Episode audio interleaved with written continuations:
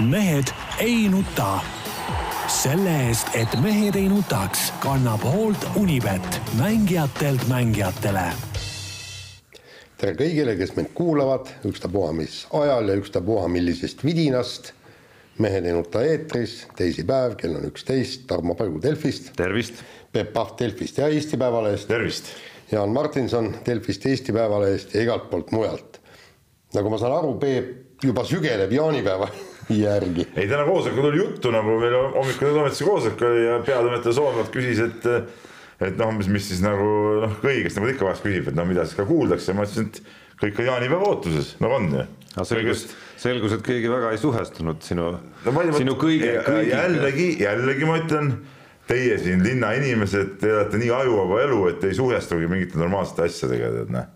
see on nagu, see on nagu selgemast selgem, te tegelete siin mingisuguse ma ei tea, millega, mille peale te mõtlete, millega te tegelete, aga normaalsed inimesed planeerivad ammu juba, kuidas jaanipäeva pidada, mis on programm, mis on söögid, mis on joogid, kõik peab olema siin poolteist nädalat jäänud ainult, see peab olema kõik paigas, niisama ei saa. mis no, siis programm mis siis programm on no,, mind hakkas kohe huvitama. küll, küll kõik saab. ei no sihuke näidisprogramm, see kindlasti no, meie kuulajatele väikese šablooni saab nagu ette anda. tavaliselt ütleme kogunemine, siis on mingi võib-olla mingi väike retk kuskile siis äh, seal olid mingid mängud. Äh, Rummu karjääri läbi metsa, Roosi tänaval. ei no Rum, Rummu, ütleme üks aasta, kui minu juures selle tehti, siis Rummu Tuhamäe otsas oli küll, oli äkki matk sinna. see aasta vaatan midagi muud või mõtlen välja. ja siis, ähm, siis ütleme söögid, joogid, ütleme veel mingid mängud, saunad äh, siis no, täpsem, ma paluks ikkagi nagu täpsemalt ikkagi, mis mängud, mis ei, joogid. no kuule. no ei no selles mõttes hari ikkagi nagu noh, mind tegelikult kui nooremat kolleegi Jaani, kui vanemat kolleegi, kes ka tegelikult elab mingis muus paralleelmaailmas nagu näha. rääkimata, rääkimata meie no, tuhandetest no, kuulajatest. no mõtle, mõtle, mis joogid saavad olla Jaani peal, õlut peab olema kõvasti, nii et nagu ikkagi eh, ükskord oli niimoodi, et mul oli mingi üritus jaanipäeva paiku, ma ostsin nii palju õlut kokku, et ma sain pärast, ma ei tea, sügiseni välja jõudma seda, mis üle jäi sest igaüks, kes tuli, tõi veel ka juurde, mul oli seal jäävann oli, oli täis, eks ole, paksult neid noh, ikka väikse nui tuleb ka välja võtta muidugi, sest et noh, muidu õiget tunnet ei teki, kaasa seda õlut ikka lürbid on ju, tead noh. noh, šašlõkid, värgid, grillid, noh nagu kuradi olema peab kõik tead noh.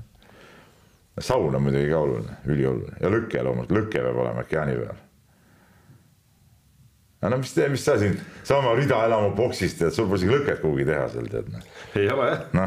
ei no jaanipäev on äge päev, ma, ma kujutan ette, tähendab, ma, ma ootan ka juba jaanipäeva, et, et noh, see on niisugune hea vaba rahulik päev, ma arvan, et ma saan selle päevaga umbes poolteist raamatut läbi loetud ja. aga järgmine päev on kergejõustiku Eesti meistrivõistlused minu arust, kui ma õigesti mäletan. hakkab pihta no see sind ei sega. ei, ei seda küll, aga ütleme, peab järgmine päev tööle minema. aga muide, kergejõustiku. alguses ülejärgmine päev, ma täpselt ei mäletagi. kergejõustiku rahvas tõsi, tõstis ju lärmi, et mikspärast on meil äh, jaanipäeval on need äh, võistlused. aga väga hea aeg, rahvas saab tulla vaatama. mis nad tahavad suvel või talvel võistelda? Ei no nad, seal toodi näituseks, et, et ma ei tea, kas soomlased teevad kuskil sügisel ütlevad, et no mis normide täitmine. sellepärast, et see, see suvi on ju kaks tiitlivõistlust, loogiline, mm on nii vara, mm on ju juuli keskel juba. ma ei mäleta ke, keegi ju. see Eesti meistrivõistlused on veel üks koht, kus tõesti saab ja kümnevõistlejad ju tulevadki siia, see ülikõva kergejõustik tuleb see aasta. kümnevõistlejaid tuleb siia päris mitu, Erm, Uibo, ütleme kõik, kõik siuksed äh, kõvad, kõvad vennad, kes, kes, keda tasub vaatama tulla no vot siis. no vot siis väikene, väikene manuaal, väike manuaal on ühesõnaga antud ikkagi meie, meie, meie kuulajatele-vaatajatele. on miskit rääkida või? no ma ei tea, tuleb uus valitsus või ei tule või? no mingi valitsus kindlasti tuleb ja kunagi, aga millal seda, seda paraku öelda ei oska. tähtis on kvaliteet.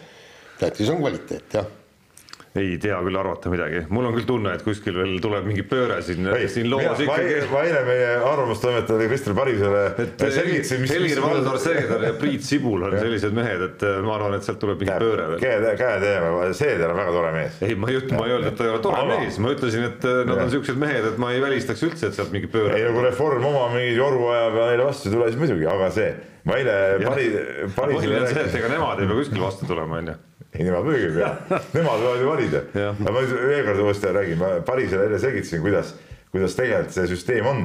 mul oli oma teooria, et, et, et see käik oligi selleks tehtud, et nad alguses nagu hakkavad reformi kokku, et meelitavad siis Kaja Kallast lõpuks ise tagasi astuma, eks ole. ja siis Kaja Kallas tagasi astus ja ütles, et oh, et meile ikka see värk ei sobi ja nüüd me siis teeme hoopis äh, selle teise poolega selle ära. no see ei ole midagi originaalset selles mõttes, et ma äh, käisin laupäeval pärast seda, kui see Isamaa otsus tuli, käisin Delfi erisaate podcast'i tegemas ja noh, juba siis sai see nagu mõte välja käidud seal, aga, aga noh paberi järgi saaks nagu üsna lihtsalt niimoodi kavaldada ahah, no näed, keegi laupäeval su erisaadet muidugi kuulanud, sellest ma sellest ei teadnud midagi, ma mõtlesin, mul endal originaalne. vastupidi, väga hästi kuulati, sina lihtsalt elad kuskil muus maailmas. loomulikult ma laupäeval ei kuula Delfi eri podcast'i. no nii, siis nii, niimoodi sa hindad, nii sa hindadki siis minu tööd. muuseas, see laupäev, see laupäev, ma käisin Veenuses jälle hakkab kuidagi nagu. ei, nüüd ongi selle, selle aasta kaks korda on täis. Kaks... ma ei täpsustan, Peep, see ja. ei ole selle aasta kaks korda, et see hetkel siiski on äh, selle kuu kaks ja. korda, jooksva kuu kaks Lihtsalt. korda ja seda olukorras, kus Veenus on lahti olnud üldse, ma arvan, mingisugune nagu noh, ma ei tea, poolteist kuud võib-olla üldse sel aastal. kaks üritust sattusid nii üksteise lähestikku aga nüüd, nüüd nagu on sellega nagu piir peal, aga taas ütleme, seal oli spordimehi väga palju liikvel ütleme niimoodi, et, et sa võiksid taotleda kliendikaarti juba. no võiks küll, võiks küll, miks ka mitte. ütleme, lõpp oli üsna hägune ausalt öeldes. seekord läks nagu, nagu tõsisemaks nagu juba algus oli sihuke nagu tempokas ja, ja nii ta läks. oli tore, oli tore äh, õhtupoolik, ütleme nii ma ei, ma, ma küll ei tea, millega see lõpeb ühel hetkel, kui mees üle nädala käib põhimõtteliselt juba Veenuses no see ongi nagu, nagu üks tuttav ütles, vanainimeste kohta. kas see on kuskil, see tuleb kuskil, ma ei tea, Jaan vist ei ole hea inimene, kelle käest küsida, et kas see kuskil nagu mingil hetkel seal viiekümnendates nagu tekibki see nagu mingisugune nagu ma ei tea, teine noorus või? ei, ma ei tea, jah, ma ei oska öelda. mul Jaan, Jaan luges, Jaan, Jaan, Jaan, Jaan ei ole raamatute lugemisest äh, viis, viimased viiskümmend aastat nagu välja saanud, on ju, sellest hetkest, kui ta lugema õppis. mul saa-, mul saabus äh, kolmas vanadus aga meie, meie kuulajad-vaatajad võivad äh, Menn.delfi või meie Facebooki kirjutada, et kas noh, eriti just nagu eakamad ja, ja sellised elu, elukogenumad, et kas, kas kuidagi nagu samastuvad ei, ja suudavad, suudavad ikkagi harrastusantropoloogidena nagu mingisuguse väikese nagu vihje anda, et mis Peebuga toimub. ma ütlen, seal, seal näeb igasugust rahvast, igasugust rahvast näeb päris, päris huvitavaid tüüpe. no ma kujutan ette, mida veel see nagu muu rahvas räägib, kes näeb Peepu veel seal, et, et sina ütled, et näeb igasugust rahvast, aga mis sõnadega nemad veel räägivad, et mis rahvast ma täna nägin Veenuses? nojah, nii on nii, nii, räägime spordist ja, ja kui meil oli vist eelmine nädal oli jutt äh, sellest, et äh, Eesti-Argentiina sõprusmäng oli, oli täiesti mõttetu, käidi siin välja äh, teooria, siis tegelikult see, tolles mängus Argentiinaga oli mõtet küll ja veel ja otti too, nagu mm., nagu öeldakse. otti too, jah. jah aga, aga nüüd eilne, eilne mäng Albaaniaga, no see, see oli noh, tähendab absoluutne mõttetuse tipp ja täiesti igavuse, igavuse tipp ja tegelikult ma ei saanudki aru, et et, et noh, okei okay,, Albaania veel natukene mängis, aga, aga mida meie omad seal tegid, sest nagu kui me vaatame ter terminoloogiat, jalgpall on mäng, kus kaks võistkonda mängivad eesmärgiga lüüa väravat. aga Eestil ei olnud seda eesmärki, sest nad ei saanud isegi väravate raamidesse Äh, mitte kordagi, ma äh, tulingi mõttele, et mul oli vanaema oli väga kepsakas moor, äh, kodu, kodus kogu aeg ainult, et tema oleks võinud samamoodi vastaste väravas olla, eks ta oleks selle ajaga paari sokke ja ühe kinda kindlasti valmis kudunud. sest noh, teha seal väravas ei olnud midagi, meie omad sellele isegi raamidele ei saa no, pihta. huvitav, et sa ikka tahad nagu, nagu sellisest nagu virisevast poolest nagu pihta hakata, et kui me nüüd võtame nagu. no aga mida sa, aga ütle, ütle, ütle üks asi selles mängus, mis oli hea. Suutis vältida igasuguseid kalasid, mida viimasel ajal nagu igas mängu, noh, igas, peaaegu igas mängus ikkagi tuleb kuskil nagu ette, mille vastased ära kasutavad. mina esimest mängu viitsisin vaadata, ma käisin rattatrenni sel ajal tegemas näiteks. väga okei, läheb plusspoolele eilses mängus, aga lõppkokkuvõttes, aga lõppkokkuvõttes jah, on see üldse vale mäng, et tegelikult peaks rääkima nagu nii-öelda punktimängust Malta vastu. ja see oli üks kõige kohutavamaid jalgpallielamusi minu jaoks. see võis ma, olla kõige kohutavam jalgpallielamus no., Peep no., aga fakt on see, et punktid on kodus. ei no mis mul täiesti ükspuhas. et, et, nagu eesmärk sellest tsüklist, selles nagu aknas on täidetud. aga no nii halba jalgpalli, kui oli see Eesti-Malta mäng no ma ei tea, no ma kirjutasin meie sinna äh, sporditoimetuse chati ka, et see on nagu Vasalemma Roosi tänava meistrivõistlused taseme poolest. mul oli seal ka vanasti üks väike jalgpalliplats ja seal mängiti ka paremat jalgpalli minu arust kui see, mis mis Eesti ja Malta pakkusid, no see oli ikkagi, see oli nii küündimatu, igav, mõttetu, ma jätsin mingi viis korda jäin tukkuma selle mängu ajal, tead noh. kusjuures see oli mingi valdav. päädis lõpuks tõesti selle mingi eriti õnnetu ja, ja väga haleda äh, vastaste eksimusega, eksimust tulnud väravaga, mis on muidu tore, muidugi võitsid, loomulikult meil hea meel, võitsid jess, aga no kõik see, mis sellele eelnes, oli ikka kohutav kuubis, noh, et no sellise jalgpalli ma ei tea, noh, see ma kogu aeg mõtlesin, et me oleme tõesti seesama see arengujutt ja kõik, kuhu see Eesti jalgpall on jõudnud. no, no, no nii, ma ütlen, ütlen otse välja, no nii sitta asja ma pole näinud juba aastakümneid. Noh. no jaa, aga eilne mäng oli ka. aga mis eilne mäng, Jaan ära aja, eilne mäng ei olnud üldse mitte, see oli täiesti mõttetu mäng, seda keegi ei vaadanudki peale sinu. ei, aga ma räägingi, kõik need mängud on ju. eilne mäng oli ju mingi sõpruskohtumine, seal pole tähtsust me räägime praegu nagu päris mängust. ei no jaa, aga no meil ongi ju kõik need mängud, kogu selle tsükli mängud, esimene mäng me ju noh, okei okay,, võitsime kaks-null, eks, aga pääsesime nippa-nappa, teisel poolel lihtsalt vastased rullisid meist üle, eks ju noh, kas ei, rullisid, aga vähemalt domineerisid ja, ja no see, ongi meie jalgpall. ei no selgelt on, on imelik vaadata, et me ei suuda selliste satside vastu nagu noh, ma räägin sõnaga domineerida siis, siis ma veel nagu kasutan liiga jõulist sõna, sellepärast et noh, Malta vastu see asi oli nagu domineerimise potentsiaalist isegi nagu kaugel, on ju. et noh, vähemalt esimeses mängus jah, suutsime kaks tükki ära lüüa ja, ja siis kuidagi eduseisus toimus mingi rahunemine. aga, aga jah, see une teema oli, mul on tunne üsna valdav, sest ma nägin ka sotsiaalmeedias päris palju ja pean ka ise tõdema, et teine poolaeg no möödus ikka nagu väga raskelt, nagu väga raskelt selles mängus. see oli nii igav ja nii nii, nii eksimuste rohke ja, ja ebakvaliteetne asi, mida sealt näidati. aga kokkuvõttes punktid on kodus ja noh, selle üle tuleb ikkagi nagu rõõmus olla, et, et lõpuks ikkagi nagu noh, Konstantin Vassiljev Henri Anier, Sergei Zenjov ikka mingid raudvarad põhimõtteliselt tõid nagu, tõid nagu kastanid tulest ja, välja ja, ja hoiavad meid nagu punktide mõttes ikkagi nagu noh, väga noh, ideaalse seisu peal põhimõtteliselt, ideaalse ja. seisu peal, mis hetkel olla saab. jah, aga võta nemad ära, mis siis alles jääb, alles jääbki nii, nii-öelda eilne, äh, eilne koosseis, kes ei teinud sedagi. nojah et noh, et, et samas ütleme, kõik jalgpalliajakirjanikud eile õhtul nagu hõiskasid, et me mängisime Äh, B-grupi äh, võistkonnaga viiki, hea tulemus, noh, hea. absoluutselt, noh. kusjuures, kusjuures te, te naersite siin selle üle, aga aga noh, seesama fakt, et, et, et me hoidsime nagu nulli ära seal, noh, ei ole nagu, see ei ole nagu halb fakt ja noh, no mis Albaania, noh, seesama B-grupp on ka ju mingisugune, noh, meie jaoks, kui me ei suuda Malta vastu, Malta vastu nagu domineerida, domineerida, me ei suuda palli rohkem hoida ja, ja kõik see nagu mängupilt, noh, ei olnud nagu kuskilt välja lugeda, et me oleme parem meeskond kui Malta selles kohtumises. et noh, siis järelikult Albaania meie jaoks praeguseid jõuvahekordi arvestades, noh, ongi päris kõva pähkel, et selles mõttes noh okei okay, iseenesest, aga, aga need äh, mängupildid ikkagi kogu, kogu selles nagu seerias, ega need nagu ühelgi hetkel nüüd küll rõõmu kuskilt, äh, kuskilt ei valmista. ja, ja noh te,, tegelikult no ma olen seda ju aastaid ja aastaid rääkinud, et mina ei näe seda ideed ka, eks, kust, kust peaksid need väravad tulema, mis, mis on nüüd see idee, kuidas, kellele mängitakse? Ma olen seda, seda korranud juba, ma pakun välja viimased, ma ei tea, viis, kuus, seitse, kaheksa aastat noh, nagu kunagi oli väga, väga lihtne ooperiga oli mängida. mina olen praegu, praegu mina näen ühte, ühte asja, Anijärv peab olema platsil, siis tulevad väravad ka. jah, nüüd väga õnneks, õnneks. korraks lasti platsile kohe koksis ära, noh. ma ei tea, mida see treener seal, see Häberli, mida ta oma peaga mõtles, et äh, Anijärvi eelmistes mängudes ei kasutanud. Noh. ja Vassiljev ka nüüd lõpuks sai, sai nagu sihiku paika, ega no kunagi mäletad, kus need Vassiljev. kuule, Vassiljev ikka üheksakümne aastane juba ime, imetles, et nii kaugelt palju üldse väravaid välja lõid, et noh no sa nüüd alahindad vanameistrit muidugi, et ei, no, see, see oskus, see oskus nagu kolmeste oskus korvpallis no, ei kao niisama lihtsalt seal. et sa sealt saad üldse löögile niimoodi, no see, me selle peale ei saa loota, Anir on veel ikka nagu mängumees, kes eh, vanuse poolest ka, kes, kelle peale saab nagu loota veel ikka. see natuke veidra mulje, ma olen nõus nagu jättis, et, et Anieri mänguaja saagiks siis nagu põhimõtteliselt jäigi see pool tund siis mm., siis äh, Malta vastu, eks. et, et imelik, et ta nagu, et ta nagu varem kuidagimoodi nagu plaanidesse ei mahtunud.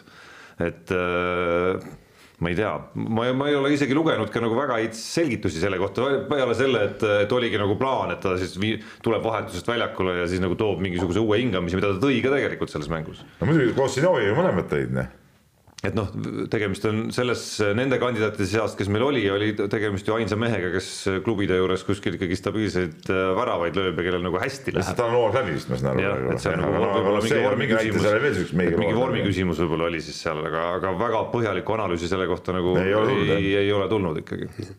ja kui me siit nüüd edasi lähme äh, jalgpalli teemaga, siis äh, meie tulevik on veelgi hallim, sellepärast et U kakskümmend üks Eesti jalgpallikoondis on siis EM-valiksarjas, äh, äh, lõpetas valiksarja null punkti, null löödud väravat ja väravate vahe oli siis äh, miinus kolmkümmend kaks kümne mängu peale kokku. ja see on nüüd siis see U kakskümmend üks, meie tulevik, kes peaksid tegelikult, osa nendest peaks juba, no olid aga mõned olid. kas, ma mõtlesin, see on sama põlvkond, kus oli vahepeal kõvasti loodeti, see, mis kunagi U seitseteist vanuses tegid kõvasid mänge. ei, need on U üheksateist nüüd. aga need siis ka mingi kõva ketuke. Lätilt kaotas, Lätile kaotas null viis aga noh, sealt väga päris mitmed on siiski ka nagu täis, täismeeste koondise juures ja mõned on puudu ja nii edasi, aga ja. ega me ei tea samas liiga detailselt konkurentide kohta, et vaevalt sealgi kogu aeg kõik kõige paremad kohal on. aga, aga me ei, meil Madis Kalvet tegi minu meelest väga hea analüüsi, et, et mis on siis see põhjus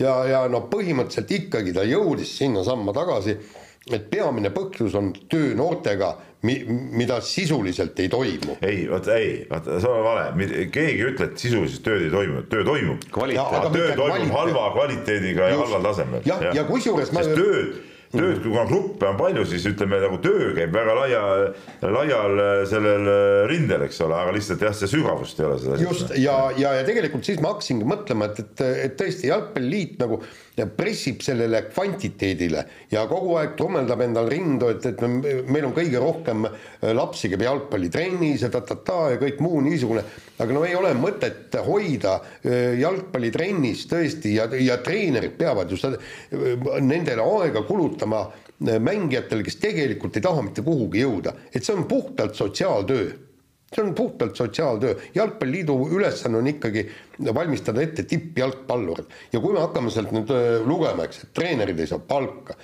äh, äh, korralikku mõistlikku, neil ei ole korralikku haridust, noori mm, ei treenita nahaalideks ja äh, meil just tuli see äh, jutuks ju see Uruguay koondis, kus on kogu aeg ja ta on äh, ammusest ajast, vaata Peep, sa mäletad ka kaheksakümnendatel ja ja, ja seal, kui Uruguay mängis MM-idel jalgpalli, siis ta oli kõige vastikum meeskond mm, -hmm. kõige räpasem meeskond, aga aga nad ongi, neil on kolm miljonit, neil ei olegi mitte midagi muud üle ei jää, kui lähevad lihtsalt nahaalselt ja jõuga lähevad peale ja kui on vaja vastasel lihtsalt jala luu ära murda, siis murtaksegi, noh, mitte midagi teha ei ole, mina järele ei anna anna sina järele. ja, ja siin noh, nagu ongi pehmed poisid, muide täpselt sama rääkis ju aastaid tagasi ka, ma ei mäleta, kes, kes oli korvpalli kohta, kui, kui võrdlesid eestlasi ja leedukaid keskmängijaid.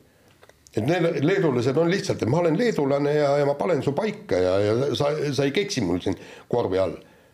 et no mis on, ma ütleme, jättes tulemused kõrvale, mis minu arust äh, käis noh, korvpallis äh, on nagu noh, selgelt toimunud mingisugune nagu muutus viimaste aastatega ja selle muutuse minu arust kõige suurem osa ongi natuke see suhtumise muutus, et ma olen ise tajunud, et endal mingist sellest nagu madalseisuperioodist on tihti veel Eesti hakkab kohtuma mingisuguse satsiga, kes justkui paberite järgi võiks meist tugevam olla, et endal on veel sees sellest mõõnaperioodist selline, et oi-oi, see saab ikka jube raske olema, aga ma tajun, et nendel uue põlvkonna mängijatel on see nagu kuidagi täiesti ära kadunud. Äh, võib-olla on ühine nimetaja neil see, et nad kõik välismaa kaudu on ikkagi nagu võidelnud ennast läbi, see on see kontingent, kes on ikkagi nagu püsima jäänud, kes on suutnud seal mingit redelit pidi nagu üles ronida, äh, olelusvõitlusi pidanud kõvasti ja, ja tänu sellele on nagu selline alal ma ei tea, allaheitlikkus, ütleme siis, on nagu kadunud.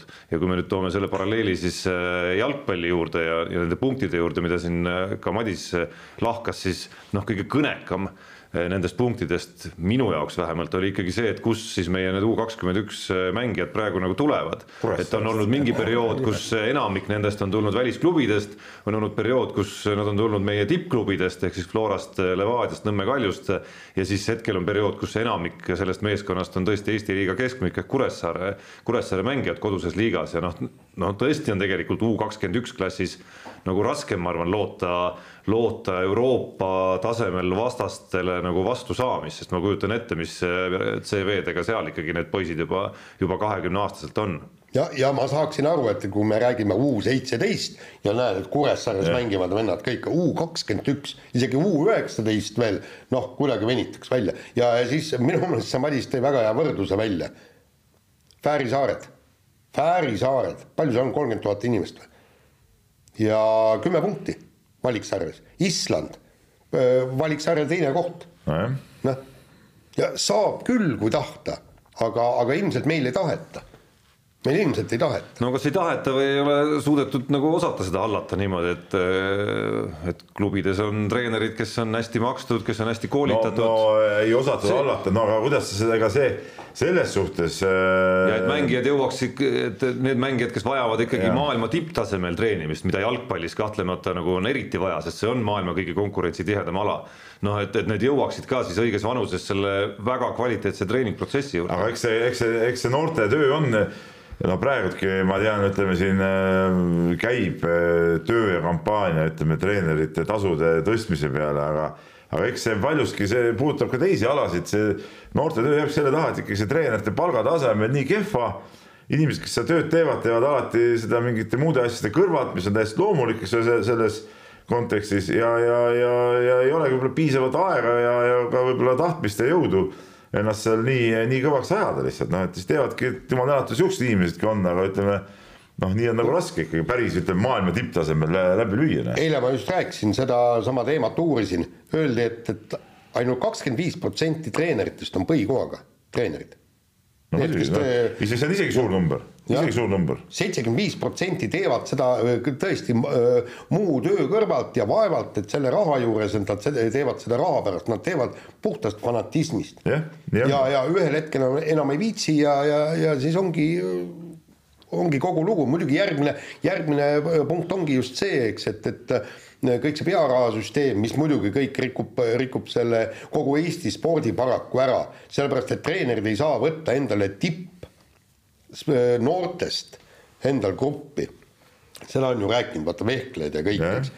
Neil on seal kaks-kolm, jah, neil peab, neil on tegelikult kaks-kolm-neli vehklejat, kellega tuleks teha järjepidevalt tööd et, et neid tõsta tippu, aga ei, enamus aeg äh, kulub massiga tegelemisele.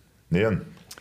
Aga vahetame teemat, Jüri Vips äh, on elanud sellel hooajal noh, niimoodi leebelt väljendudes seiklusrikast elu vormel kaks sarjas.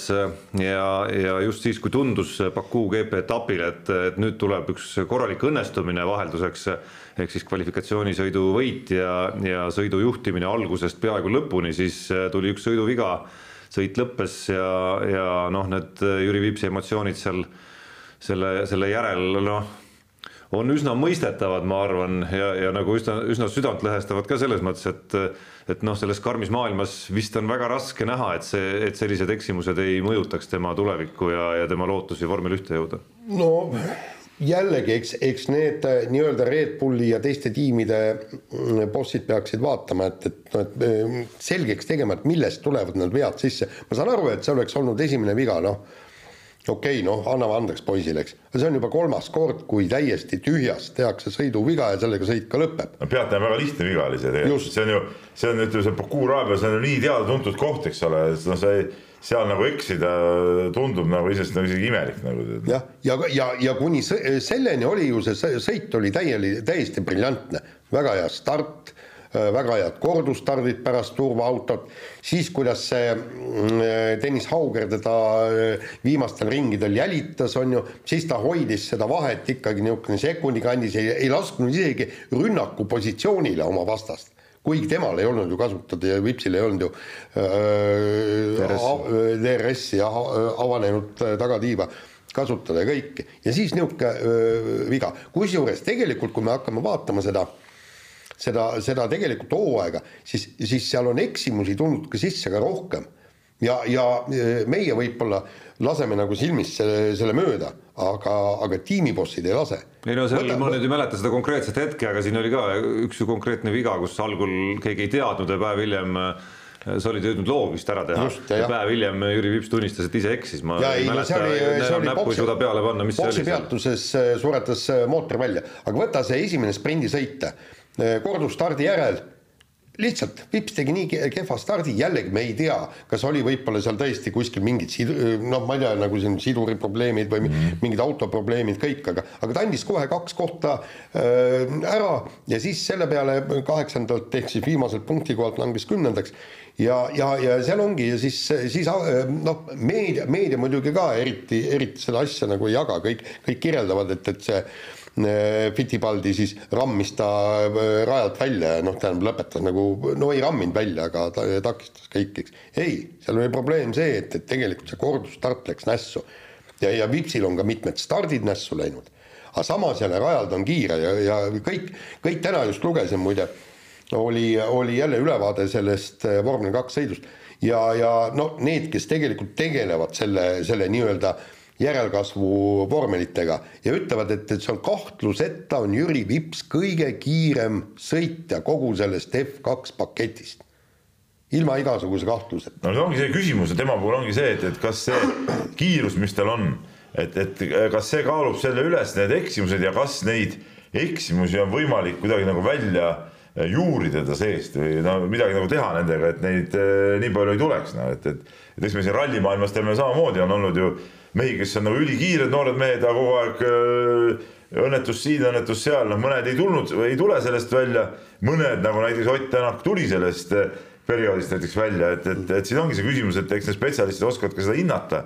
et, et kas on lootust, et see mees tuleb, Vips tuleb sellest äh, seisust välja või ei tule, et noh.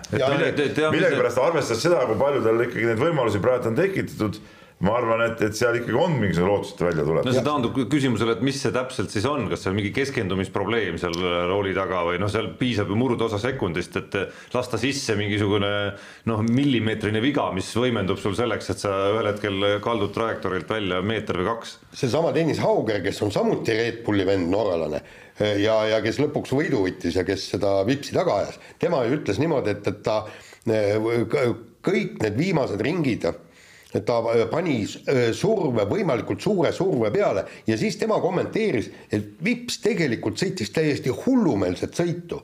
ütles ta, äh, ta sõitis ikka täielikult hullumeelse kiirusega, sest tagatiiba avada ei saa ja ikkagi teine mees avatud tagatiivaga ei saa Vipsile järgi. ta ütles, et see Vipsi kiirus oli täitsa hullumeelne ja sealt tuligi võib-olla noh, tõesti tahtis meeletult seda võitu kätte saada. ja siis seal, seal oli tegelikult Jaa, milli, no, millimeetrite mäng. teistpidi vaadates on see ka klassika, et noh, selleks see kogu see survestamine ju nagu toimubki seal selja taga, et sa ei lase nagu teist eest ära, vaid sa nagu survestad nii palju, kui suudad selleks, et teine poeks ikkagi nagu nahast välja ja sõidaks võimalikult viimase piiri peal, et sellised eksimused juhtuksid, on ju, et selles mõttes taganttulijate poolt äh, Hauger oli seal vist äh, esimene, eks et oli see nagu noh, ideaalselt tehtud töö jällegi, et, et iga kord seda eksimust seal ees ei tule, kui sa survestad, aga, aga vahel tuleb, tuleb ka vormel ühes. ja no loodame, loodame, et, et noh, tiimid ikkagi leiavad, et, et Vips on sedavõrd väärt mees, et niisuguse kiirusega poisse teisi ei ole ja, ja võib-olla suudavad tal välja ravida need lapsikud vead. jah, no praegu ikkagi tuleb noh ma ei tea, nõustuda või noh, kahjuks see, kahjuks see tuli nagu nii totral hetkel ka, et eh, nädal tagasi kuskil oli see viis kuu, kuus päeva tagasi, kui tuli see Helmut Marko äh, lause välja selle kohta, et ta ei näe praegu Äh, et Red Bullil ja Alfa Tauril oleks kuskilt altpoolt nagu tulemas keegi väga selge kandidaat, keda võtta sinna vormel ühte sõitma. et noh, see, see võit oleks selline noh, stiilne veenev võit, see Bakuus oleks olnud kindlasti miski, mis nagu teeb väikese nagu siukse, ma ei ütle nagu ninanipsu, aga noh, väikese nagu ikkagi nagu seisukohavõtu äh, kogu selles heitluses on ju, aga, aga noh, nüüd läks kõik vastupidi. no see ongi see, see võiski mõjutada, ma arvan, et ta läkski võib-olla tõestama seda, et, et mm et kuule, Helmut, et mis joga sa ajad seal, eks ole, et vaata, kuidas ma siin sõidan, onju ja, ja panigi nii maksimumi peale, et noh, ja, ja siis läks. ja jällegi ma ei mäleta, mis portaalis seal olid siis Baku etapi võitjad-kaotajad oli, olid, olid kirja pandud ja, ja üheks võitjaks oli toodud siis äh, Alfa Tauri mees Yuki Tsunoda, kes ise sõitis ka hästi, aga üks põhjus, miks tema võitjaks tituleeriti, oli see, et Vips rikkus oma sõidu ära ja, ja noh, nagu seal kirjutati, et, et, et kindlasti oli Vips äh, esimene mees, kes võiks äh, Tsunoda koha endale saada. aga nüüd praegusel hetkel on, on siis jaapanlase käes trumbid, nii nii, aga lähme edasi rannavollega, käimas on siis maailmameistrivõistlused ja meie paar Mart Tiisar, Kusti Nõlvak on siis jõudnud alagrupist vägevate võitudega edasi ja vist täna läheb üks kolmkümmend kahe, ühe kolmekümne kahendik finaal. ei, homme. või homme, läheb homme edasi jah. Et, et äh, lähevad, lähevad seal mängud edasi või üks kuueteistkümnendik, mitte üks kolmekümne kahendik, vabandust jah. Lähevad, lähevad mängud edasi ja, ja no ma ei tea, on siis nüüd mingi võimas äh, läbimurre siin äh, tippu, tippu tehtud või ei ole, no mina arvan, et siin selle alagrupi mängude põhjal noh, väga suuri järeldusi veel teha pole maksa. no hetkel kolmekümne kahe hulgas, eks. jah, et kuigi siin võideti võideti eh, päris tugev, eh, tugev paar hollandlased, kes on endised maailmameistrid olnud ja, ja olümpiapronksi vist, eks ole. maailma neljandad vist hetkel, kui ja. ma õigesti nüüd mäletan, et aga jah, teisest küljest ikkagi käib see tunne ka kaasas siin, et, et päris palju on veel tõestada selleks, et öelda, et oh, nüüd on nagu läbilöök toimunud, selge, et mingi areng on toimunud, selle, selles ei ole nagu mingit küsimust üldse ja, ja selline areng noh, mida nad on pidanud ju ootama ja natuke no, ja ikkagi nagu imetlusväärne, kuidas nad, kuidas nad on jõudnud seda nagu oodata, et neid, kes on siin teda maha kandnud, seda paari on ju ka omajagu olnud, et ei tule sealt umbes midagi, et et noh, nüüd, nüüd, nüüd ikkagi nagu lootus paistab ja kui Rivo Vesik võtab nad nagu punti ja ütleb, et need mehed teevad siin lõpuks minu ja, ja Kaisi tulemused ka üle, noh siis ma ei usu, et ta nagu noh, nagu päris tühja koha pealt hakkab, hakkab siukseid veksleid nagu välja panema, et, et ju siis nagu, ju siis on kannatatud mingi kriitiline aeg äh, ära ikkagi. ja aga tead, seal oli väga huvitav, ma käisin ju see, kui Rivo Vesik siis valiti nagu Eesti rannavolle koondise peatreeneriks. tema otseselt Tiisaare nõlvakuga ei tegele, neil on oma treener küll, aga ta vaatab tehnika üle, aitab seal üht-teist lihvida, aga mis peamine on see, et, et tema on taktika ja strateegia paneb paika ja Vesik ütles, et see oli nüüd asi, millele Tiisar eh, Nõlvak absoluutselt tähelepanu ei pööranud. Ja, ja ta ise rääkis, kuidas ta venelastega, kelle ta maailmameistriks öö, viis, ütles niimoodi, et noh, piltlikult öeldes neil oli vastaste mängust kakssada kakskümmend lehekülge statistikat, mida nad teevad. Ja ütles, et me, me teadsime täpselt, et seisul viisteist, viisteist servib vastane sinna ja, ja paigutavad siis ploki ja, ja kaitsest tänna ja, ja ta ütles, et, et nüüd ta hakkab äh, äh, noh, ühesõnaga seda nüüd järele aitama, nagu ta ütles ka see, mm, kus kohas seal oli vist, kas Läti turniir või mis turniir enne seda vahetult oli. Need meie mehed said vist äh, kolm kaotust alagrupis ja kõik ja ütles, et nad ei mänginud kehvemini, aga nad mängisid taktikaliselt halvasti.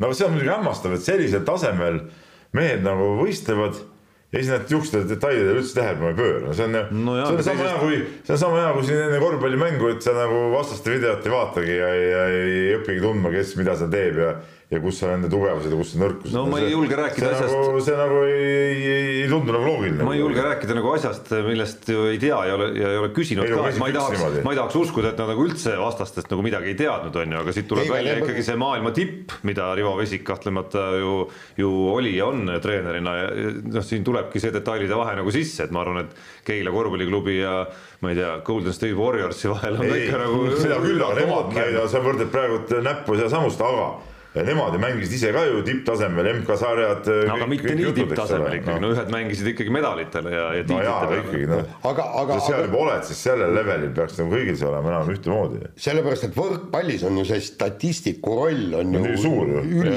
ülisuur jah aga, aga loodame nüüd, et koostöös Rivo Vesikuga tuleb, nüüd on neil esimene vastane on see, kes nii-öelda õnnelik kaotaja, kes jäi eh, kolmandaks ja ei olnud eh, kolmanda koha nelja parema hulka kolmanda koha saanutest ei pääsenud, et, et sealt võiks nagu see võit tulla ja vot siis. no siis, no siis, no see on alles siis saad kuueteist hulgas. ja, aga vot siis tulebki, ja aga siis tulebki see põhimäng, mida, mis, mis ongi nende viimaste aastate eesmärk, et saada no, MM esikaheksa. esikaheksa, et saaks EOK palgale ja, ja kui ma pressikonverentsil küsisin, kas see on teile oluline ja siis selle peale oli, et, et see on põhimõtteliselt kõige tähtsam eesmärk. ja no see on omaette nähtus, et nad on nii pikalt suutnud noh, nagu vastu pidada ikkagi üsna nagu noh, omal käel ikkagi seal vist no põhimõtteliselt ikkagi nagu erasponsorid ja ja, ja, ja vist ka üsna lähisugulaste ringist lausa, et et selles mõttes ma arvan, et väga palju selliseid näiteid ei ole, kes suudavad üldse nagu niimoodi kannatada mitu aastat noh ilma et, et neil nagu väga suurt tuge taga oleks, aga noh, ega näha on ka see, see, see, selle teke ei olegi nii lihtne, et praegu me räägime, et just nagu on läbimurre toimunud, aga hetkel oleme me siiski kolmekümne kahe hulgas alles. et sealt on nagu kaks väga suurt võitu veel minna, et jõuda siis selle, selle EOK nagu ütleme nagu tõsiseltvõetava toetuse peale. nii, aga minu teema jälle jah ikka okay., ikka. nii, törts korvpalli ka ikka. ja no rääkige törts korvpalli, et see lätlane jääb siis, nagu ma saan aru, Tartu mis iganes me, meeskonna ta-, tahtsin öelda Tartu Rock. Tartu Ülikool Max ja Moorits. ja tahtsin öelda Tartu Rock, no minu jaoks jääb Tartu ikkagi alati Rockiks. miks Rock, miks mitte Deltaks näiteks? ei, ei, Tartu Polaris. Tartu Ülikooliks. Tartu Polaris oli kunagi. ja ei, ei oli ja ma, need olid kaks eri meeskonda samal ajal vist mängisid. ei olnud, Polaris muutuski Deltaks ja ühel hetkel Delta muutus Rockiks. ja ei, aga Rock on ikka legendaarne no Rock on legendaarne küll, aga ei, okei okay,, see selleks. ehk siis, et nüüd inimesed aru ka saaks, millest jutt käib, siis Nicolas Masus jätkab siis Tartu meeskonna peatreenerina ja ja mina tervitan seda otsust äh, kahel käel, minu arust väga õige otsus, mees tuli poole hooaja pealt, tegi, tegi väga hea töö meeskonnaga. Äh, kõigepealt karikavõidu, siis äh, tüüris meeskonna koduse liiga finaali, okei okay,, seal kaotasid Pärnule, aga see, ma arvan, et ei olnud väga suur traagika et äh, suurepärased äh, käigud ja, ja, ja mulle tundub, Masurs on väga hea treener, ma olen Masurst varem ka jälginud äh, tema neid tegemisi, kui ta oli Venemaal siin ja kui ta on Lätis toimetanud väga,. väga-väga okei okay ja no raske, no juba ette oleks olnud nagu väga raske öelda, kui keegi oleks küsinud, et, et miks peaks tingimata, kui asjad nagu üldjoontes sobivad mõlema jaoks et miks peaks kõrvaltvaataja pilgu järgi seal mingisugust vahetust nagu tegema hakkama, et et huvitav oleks näha, kuidas ta nüüd äh, noh, saab hakkama ja mis käike ta teeb, kui ta saab ise ikkagi nagu algusest lõpuni seda protsessi, meeskonna ülesehitamist ja komplekteerimist nagu ohjata kuidagi või mõjutada neid otsuseid, mis seal tulevad, et praegu ta tegeles ikkagi sellega, mis nende kaartidega, mis talle nagu kätte oli, olid antud. ja noh, üks asi, mida natukene noh, mis, mis on nagu väike tore nüanss võib-olla sealjuures ongi see, et ta no minu arust nagu mingil määral tõi sellist nagu värsket värsket õhku sinna Tartu korvpalli ka juurde, et ja see ei tähendanud tingimata, et, et seal nagu oma kotid nagu täri, päriselt nagu pildilt ära kadusid, et et pigem võib-olla just see, et tuli keegi, kes nii-öelda värske lehena vaatab otsa kõigile, kõikidele nendele kujudele, kes seal on ja, ja paneb nad võib-olla nagu väikese restardi järel kõik need noored kutid seal noh, nagu otsast peale natukene nagu olelusvõitlusesse, et, et on vähe teine asi, ma kujutan ette, võidelda näiteks oma koha eest päikese all seal võistkonnas äh, Tartu-suguses kohas, Tartu kasvandikuna, kui, äh, kui su treener on välismaalane versus see, kui see on oma süsteemi treener näiteks. Seal... isegi kui see ei tähenda, see ei ole mingi etteheide oma, oma treenerile, näiteks Toomas Kandimaale, aga, aga seal on nagu olemuslikult päris suur vahe. ei muidugi ja peale see, see seal äh, mitmed rollid ju muutusid, ütleme mõned mehed, kes ütleme, olid siiamaani nagu, nagu olulisemas rollis, äh, langesid tegelikult ära ja mõned mehed alt tõusid hoopis üles, äh, kellele leiti nagu hoopis teistsugused rollid võib-olla ja, ja, ja ja said hoopis, hoopis rohkem mänguaega, et seal oli huvitavaid käike ja liikumisi oli, oli kõvasti. Ja see jutt tegelikult, et räägiti, et noh, et mis on Masursil viga, et seal toodi nii palju neid välismaalasi juurde ja noh, see on tore jah, seal tuli paar meest juurde, see Ukraina poiss ja ja see äh, Hagins, eks ole, aga, aga aga noh, tervikuna ikkagi jah, need Tartu enda mehed ju tegelikult mängisid ka, noh, okei okay,, mõni mäng jäid seal nulli peale, mõni mäng tegi jälle väga kõvasid mänge, nii et nii et Masus oskas neid ka kasutada ja, ja, ja väga-väga-väga hästi. Aga no mis puudutab nagu suurt pilti, siis äh, noh, suurt pilt, Tartu on ka osa sellest suurest pildist, aga, aga kõike seda, mis toimub äh, Tartu kõrval, eriti tippklubide juures, siis, siis äh, no üks põnevamaid aegasid ja suvesid on ju, on ju tegelikult, jah, lahtisi otsi on palju, alustades sellest, mida teeb Keila korvpalliklubi no., kas tuleb, tuleb ikkagi punti või ei tule, no vasta ära siis. vaatame. enne kui Kalev Cramo juurde läheme. ikka olulised, olulised asjad esimesena. veel on aega. ei no mis sa keerutad? ei, mis ma keerutan. ütle ära, no tuled või ei tule? no ei tea veel, no tähendab, tegeleme küsimusega, no tegeleme. asjad ei käi nii kiiresti, tead noh igal, igal asjal on oma aeg. no see on announcement võiks nagu meie saatest tulla ikkagi, oled nõus? mitte kuskil Keila korvpalliklubi Facebookis. no seda vaatame veel, mis ja kuidas. Jaan no,, vanem kolleeg, selle saate nii-öelda nagu ristiisa ja, ja nagu looja, ütle nüüd midagi noh. ei no mis siin öelda, eluaeg on niisugune limukas ja, ja häma ja. ai, ai, ai, Jaan. Jaan teab, et ta täna jookseb kiiresti ralli pressikonverentsile, et üle küüru ei jõua saada, eks ole. aga jah, et.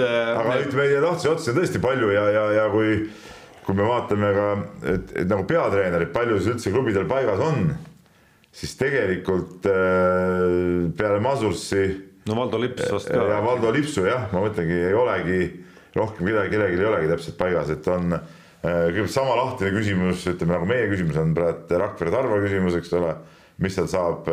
no see on nagu selge, et, et Martin Müürsepp seal peatreenerina kindlasti ei jätka, et kui, kui nad isegi nagu meistriliigas püsivad ja ma loodan väga, et nad püsivad see oleks nagu ülioluline. Äh, Pärnul Heiko Rannula, ma tean, on siin rääkinud läbi siin teiste klubidega, aga võib-olla noh, on ka Pärnu variant, kui nad ikkagi mängivad tõesti äh, seda meistrite liigat ja noh, see on omaette väljakutse tegelikult ja, ja, ja miks ka mitte. Noh, Raplal on äh, tühi koht praegu. Kalev Cramol on tühi koht praegu ja, ja, ja, ja, ja veel on see nii-öelda see uus ka sihuke ühendmoodustis nagu siis see Tallinna Kalevi ja Dentese oma, kuhu noh minu silmis iga loogika gramm ütleb, et, et Rauno Pehka võiks sinna selle koha peale saada, aga siis tekib jälle küsimus, et mis Brett Nõmmest saab, et, et tegi ju tegelikult ju suhteliselt viisaka hooaja lõpu nagu peatreenerina ka, et, et, et võib-olla tema suhtes jälle ka natuke sihuke ülekohtune käik. kuigi, kuigi mina isiklikult nagu ammu olen juba, juba, viimastel aastatel korduvalt olen mõelnud, et, et nagu väga tahaks Rauno Pehkat nagu meeste seas ka näha ükskord treenerina, et, et mingid asjad, mingid mõtted tema puhul, olles temaga keskmisest rohkem korvpallitreeneritest rääkinud, kõlavad kuidagi nagu väga, väga põnevad, et, et näha, kuidas, kuidas see, kuidas ta ise isiksusena ja treenerina seal selle seal nii-öelda meeste tasemel siis nagu välja näeb profi, profikorvpallurite juures, aga noh, lõpuks see teravam äh, nii-öelda uudishimu tipp on ikkagi teises otsas Pärnu ja,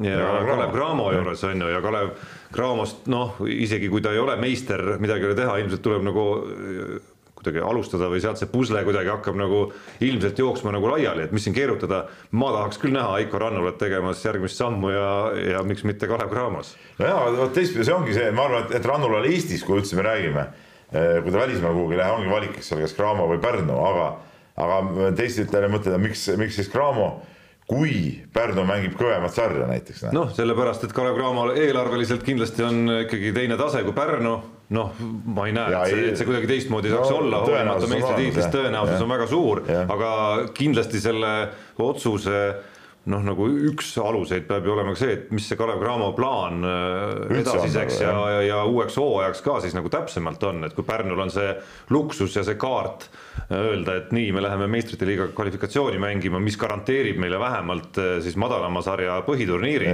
Ehk siis kokku ütleme sellised nagu kaheksa eurosarja mängu, mängu hooaja peale, siis Kalev Cramol, ma ei tea, mis kaardid neil nagu praegu käes on.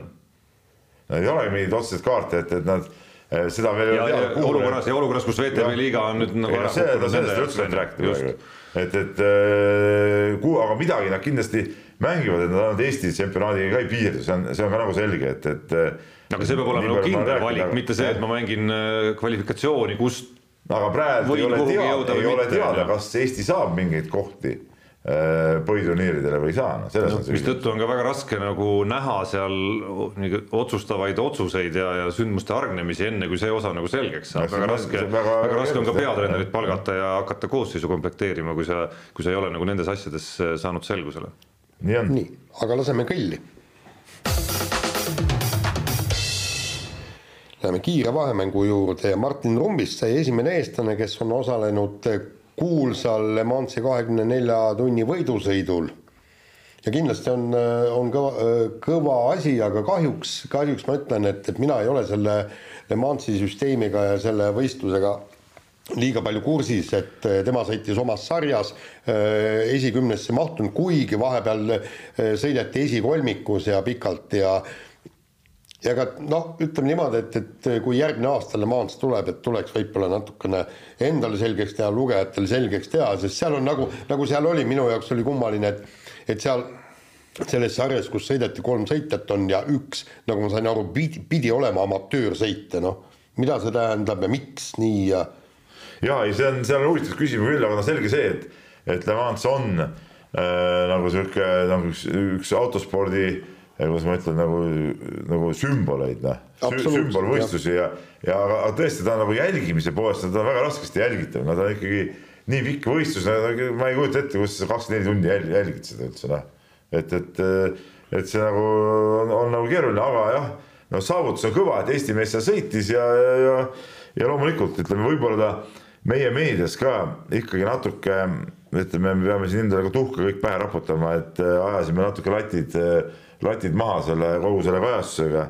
tõsi, me natuke püüdsime rehabiliteerida ennast, meil tänases lehes oli, oli rummiga lugu, aga, aga tervikuna see, ütleme, see lati mahaajamine tuleneski, ütleme, meie oma, kuidas ma ütlen, noh mitte teadmatusest, vaid ütleme, ütleme oma, ikkagi jah, oma vähestest teadmistest selles, selles asjas, et ütleme ja, ja, ja Eestis, ütleme Eesti spordiajakirjanduses ei olegi, nagu ma pakun välja praegu, inimest, kes suudaks seda päris adekvaatselt äh, tegelikult äh, kajastada. ja, ja üks asi on kajastamine ja tegelikult vaata, kui me, kui me rääkisime sinuga pühapäeva õhtul, eks äh, põgusalt, et -hmm. mis lehte panna, kõik nii ja siis no, ma ütlesin ka, ma, ma ei oska seda Martin Rumbi saavutust hinnata et, et no tõesti, et, et kui, kui kõva sõna see oli, eks ma saan, ma saan vormel ühte, eks, ralli MM-sarja, Indikaari, isegi NASCARi, seal, seal on noh, need on Need on need nii-öelda sarjad, kus on tõesti no absoluutne kõik tipp, tipp koos, eks.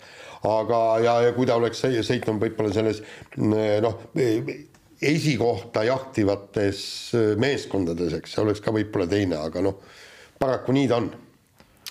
vahetame teemat. Eesti kümnevõistlusest ei, ei tule viimasel ajal häid uudiseid, Johannes Erm vigastas ennast NCAA meistrivõistluste, see oli eel siis ütleme ja, ja lõpetas selle võistluse päris kiiresti. no nüüd, nüüd siis Eestikad ja, ja kõik ühel kaardil või? no nüüd on kõik ühel kaardil. ja mitte ja... ainult ühel mehel, vaid väga paljudel meestel. ja ei, selles suhtes äh, no ütleme, meie enda äh, see võistlus, Eesti meistrivõistlus kümnevõistluses, no said tänu sellele jälle kaalu veel rohkem juurde ja minu arust see on nagu suurepärane, äh, suurepärane äh, võistlus tuleb, ütleme, kus on siis tõesti äh, Uibo, Erm, Lillemets, no ütleme seal nagu noh, on, on nagu see on, see on vägev asi, see on vägev asi ja, ja ja, ja ma usun, et kõigil kergejõustikusõpradel tasub staadionile staadionile tulla, aga, aga jah, ütleme see, ega see võistluse startimine oligi, ma saan aru, et see vigastus oli tal selline, et ta, et ta teadis, et sa läbi seda võistlust ei tee, et ta startiski ainult selleks, et olla seal nii-öelda staadionil oma nii-öelda tiimikaaslastele siis toeks, et see andis selle võimaluse nagu selle seal all olla ja, ja neid ka aidata. ja, ja teine asi, et, et seal ju toimuvad, sealsamas staadionil toimuvad, mm, MM toimub, et, et vaadata, tutvuda natukene selle staadioniga. aga no nii, nagu me oleme siin paar korda juba rääkinud, tegelikult ega ega see ongi nii, et, et jah, meil ühel hetkel tundub, et meil on, ma ei tea, kümme venda, kõik on nii kõvad, kõik on nii kõvad, et noh, sure ära, eks ole, et noh ja lõpuks, kui läheb asjaks, siis nagu noh, nagu polegi nagu midagi. no jaa, aga tegelikult oli ju, meil oli no, ka oli, palju aga vaata, ala on selline ja ala on selline, kus aru, ei aru. ole mingeid garantiisid. meil oli kas seitse või kaheksa venda, kes olid teinud äh, üle kaheksa tuhande punkti tege-, tegevkümnevõistlejates. kasu, kasu midagi. kasu ei ole midagi, jah. kvantiteeti palju, kvaliteeti mitte nii väga nii, aga vahepeal on ka kohtuveskid jahvatanud ja ringkonnakohus jättis siis äh, jõusse otsuse mis puudutas siis eh, perekond Sildarude eh, rahavaidlust ja otsus kõlas siis eh, niimoodi, et alaealise vara kuulub talle endale, mitte tema, sulgudes treenerist, vanemale. et no see on, vot see on üks, üks ülikeeruline case, ülikeeruline case minu arust, et et, et põhimõtteliselt ma saan sellest otsusest ka ühtepidi aru, teistpidi no tead, muidugi kõige mõistlikum see, kui nad oleks ise kõik kokku leppinud, et sina saad selle osa, sina selle, sina tolle ja ja nii ongi ja, ja, ja kõik oleks kuidagi nagu inimlikum olnud, aga praeguses seisus, kus nüüd nagu ühed ei saa nagu üldse midagi, no siis see see tundub mulle ka natuke veider natuke ikkagi kokkuvõttes. no ütleme niimoodi, kogu asja taga oli ju ainult see, et ei olnud koostatud mingi, mis oli seltsingu, seltsingu paberit, et kus on allkirjad all, et meil on seltsing ja me töötame selle nimel, et ja me teeme seda. see seltsing, ma võin tähelepanu, ma võin tähelepanu, see seltsing on selline asi, ma olen rääkinud hästi paljude inimestega, mitte keegi mitte kunagi, mitte kusagil polnud sellist asjast enne kuulnud, kui see Sildarude, Sildarude teema välja tuli, et selline asi üldse olemas on. no ja, ja noh, teiseks tekib siin nagu see praktiline küsimus, et kui siis noh, sisuliselt hakkab lapsevanem ju iseendaga seda seltsingut tegema, et kui laps on piisavalt väike veel, noh, mis, mis, mis lepingu sõlmija tema seal nii väga nagu on, on ju. et lapsevanem ise on treener ja on ka lapsevanema esindaja, on ju, ja siis peab sündima sellest mingisugune mõistlik seltsingu leping, et ega see nagu noh lihtne nagu ei ole, aga no lõpuks muidugi on võimalik siis seda, kui laps saab täiskasvanuks, ma kujutan ette, on tal võimalik siis seda seltsingu lepingut ka nagu, kui tüli, tüli näiteks majas on, äh, hakata sinna sisse vaatama ja ütlema, et et pagan, et need tingimused ei ole siin nagu minu kui hoolealuse kui lapse suhtes tegelikult nagu õiglased, on ju. et aga noh, tundub, et möödapääsmatu on siis selliste, sellisel tasemel ikkagi nende asjade peale aegsasti nagu mõelda. ja no tegelikult seal, seal ju on ju kui loogiliselt võtta ja kui, kui inimlikult aru saada. maailmas, ma segan, maailmas neid juhtumeid ju päris palju siiski, kus, kus vanemad on no, ikka nagu väga selgelt kuritarvitanud kõike seda, mida nad, mida nende lapsed on, on oma sportlaskarjääriga korraldanud ja teeninud. ja, ja, aga siin on vaata see küsimus ikkagi, et see isa on nii palju selles asjas nagu ise sees olnud, noh, see ei ole nagu laps pole üksi teeninud, nad on ikka koos selle teeninud, selles on see küsimus minu silmis. just ja, ja tegelikult, kui, kui vaadata inimlikult ja kõik, et eh, kuidas see asi alguse sai ja saigi ju sellega eh, alguse, et tema, eh, isa hakkas treenima oma tütart nähes, et, et, et kõik, kõik nagu sujub ja kõik, et teeme siis nii, otsime sponsoreid ja kõik ja kindlustame oma perekonna tulevase elu ära nii, et meil meil, mitte tütrel, mitte temal, vaid meil kõigil, ka emal, ka vennal oleks võimalikult hea elada, see on, ehitati ju maja, isa ei ehitanud ju endale maja. ta ei ehitanud ka tütrele maja. Ta ehitas meile perekonnale va-, see, et see perekond läks nagu laiali lihtsalt. Selle, see nagu paljuski jälle nagu muudab seda olukorda. just, aga, aga, aga tähendab, mõte ju oli selles, et mitte mulle, mitte tütrele ja mitte kellelegi teisele, vaid meile.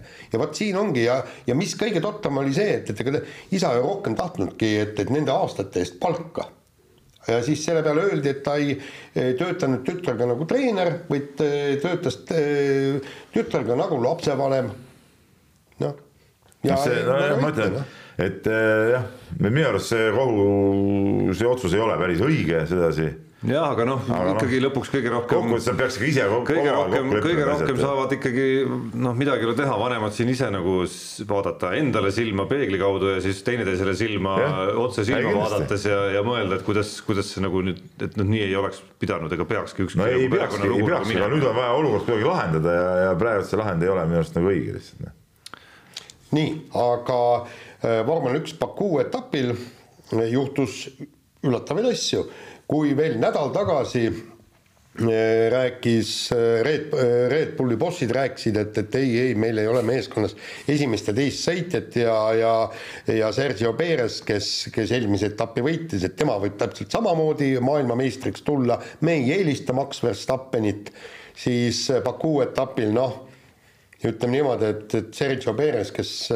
kes siis seal eespool startis, eespool oli, see paluti noh, vaikselt anti vihje, et, et kuule, aitab nüüd küll, et lase nüüd siis õige mees ette ja, ja Max Verstappen selle etapi võitiski päris no, raju ikka tegelikult. nagu sellises hooajafaasis, kus äh, ütleme, vahe oli, ma peast ei tea, aga alla, alla kahekümne punkti ja kui Perez oleks võitnud, oleks see vahe näinud võib-olla alla kümne punkti juba. et noh, reaalselt oleks tekkinud tiitliheitlus äh, kahe oma, oma tiimi äh, sõitja vahel, et, et nagu sellisel hetkel juba hakata nagu tegema seda, et ma seekord vormel ühte ei näinud, ega kui õnnelik Verstappen selle võidu üle oli pärast? ei no eks tema ole ikka õnnelik no,. see küsimus äh, tekkis ka mul siin ausalt öeldes. ei no vaata, mäletad, kuidas, kui Schumacher kunagi ju äh, oli see Baricelloga või näitas, et noh, tegelikult see nagu karikas on sinu ja tegelikult see nagu sinu võit, vaata mäletad, oli? oli, oli no. jah, aga, aga no teine asi oli see, et, et nad, nad üldse ju tegelikult äh, võitsid tänu sellele, et Ferrari'de omadega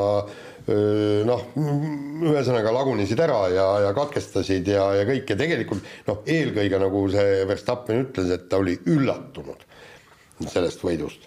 no eks see võib-olla viitab siis mingist otsast sellele hirmule Ferrari ja Leclerc'i ees, et, et hoolimata sellest, et, et masin laguneb, siis ega see punktivahe nüüd ju ilmatu, ilmatult suur ei ole, et seal on nagu võitlus ilmselgelt on ees, üle poole hooaja on jäänud veel et, et nagu tunne, et me peame ikkagi nagu munad ühte korvi toppima kohe aegsasti, käib siin kuskil nagu kuklas kaasas Red Bulli meestel. jah, ja no praegu on ju Leclerc võitnud neli ajasõitu järjest ja muidugi jõudnud ainult üks kord poodiumile, kaks katket-, katkestanud, et, et seal on tõesti, ega Leclerc'i ei saa veel maha kanda. aga teine küsimus oli ka see, et, et võib-olla vara, varases faasis võtta Sergio Peresilt ära kõik see arvamus, et, et ta võiks ka midagi, midagi teha, näiteks olekski võitnud, vahe oleks väike, vend olekski nagu mõtlema hakanud, et tal lubatakse tulla maailmameistriks jah, ja siis oleks omavahel võidu hakanud sõitma. no just. no seda ei saa lubada, selles, selles, selles ma saan aru, et seda ei saa nagu lubada, see on nagu loogiline. huvitav, kuidas sellele vaatavad nagu sellele nüansile, et,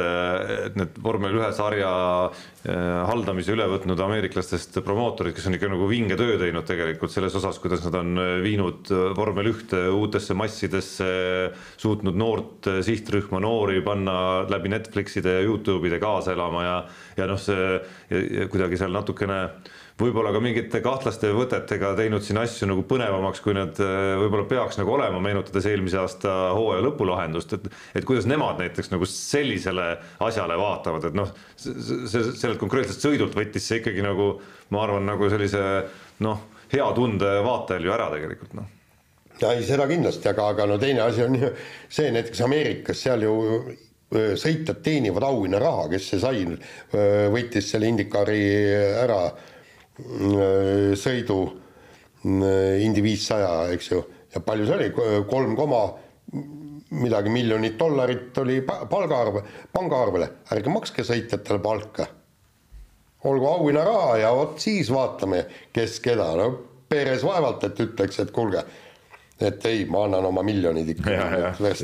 teine tera noh. no hoopis teine tera no,. ja siis ei ole tiimisport enam vaata, kui sa. no jumal, jumala eest. ja, aga praegu on ikkagi tiimisport noh, midagi pole öelda noh. aga kiire vahemängu lõpetuseks äh, võtame mütsi maha Ukraina kõrgushüppaja Julia Levtšenko ees, kes vastas äh, kõrgushüppe olümpiavõitja Maria Lasitskene avalikule kriitikale Toomas Pachi suunas, ROK-i presidendi suunas, kurtes siis, et ei lasta võistelda sul ei lasta võistelda, sest sa oled venelane, nad tapavad meid lihtsalt sellepärast, et me oleme ukrainlased, mõistad, milles on erinevus? no äh, Levtšenkot näeme varsti ilmselt Eestis võistlemas ka, et, et tuleb, tuleb Jõhvis äh, võistlus, see on tuleva nädal ja, ja nii nagu värsked uudised kirjutavad, Levtšenko on seal, on seal äh, stardis, et, et et väga, väga tore hüppaja, aga ja mis nüüd puutub sellesse jah, Lasitskeene kirja, siis noh, tegelikult minu silmis on äh, muidugi Lasitskeene olnud ka alati väga sümpaatne sportlane, tegelikult ta on olnud niisugune, ma ütlen, nagu Vene süsteemi vastane, ta on hästi palju võtnud alati sõna selle Vene, Vene kergejõustikusüsteemi ja Vene dopingusüsteemi suhtes ja, ja tal abikaasa on vist tegelikult nagu Venemaa leedukas tegelikult, sellest ka niisugune see perekonnanimi. et, et ähm, jah, et see tema see kiri oli natuke nagu üllatav et ta selle, et ta selle küsimuse niimoodi püsti, püsti pani, et, et ta võib-olla nagu päris hästi siis ei adu ka seda olukorda. no nagu oli päris äh, karm äh, seisukohavõtt ju ka Peep, ma kahtlustan, et sinu omaaegsel suurel iidolil Vjatšeslav Põõkovilt, kes elab Šveitsis ja ja laulis, laulis ühe korraliku ühistuslaulu Putinile. siis ütles selle lõpetuseks, et ei kavatse Šveitsist ära tulla. jah ja. ise ütles, et Šveits ja kõik on nagu pahad, eks ole, ja siis ikka on see edasi. Jaa, aga tegelikult, kui me noh, seal lihtsalt on süsteem niimoodi, vaata meie vaatame siin ühiskonnas, et, et kui no ütleme nagu meil, meil mingi, mingil põhjusel valitsuse tõttu, ma ei tea, mis iganes, vaata, seal on ju see, et, et kuidas, kui ta sekkub liiga sinna sporditöösse, noh, mis iganes põhjusel võetakse nagu Äh, võistlustelt maha, siis kõik sportlased ju kõik läheksid ühise rindena, teeksid suured kirjad, et pagan küll, valitsus, ajage asjad korda, te olete tondid ja kõik niimoodi, aga Venemaal ei saa seda teha.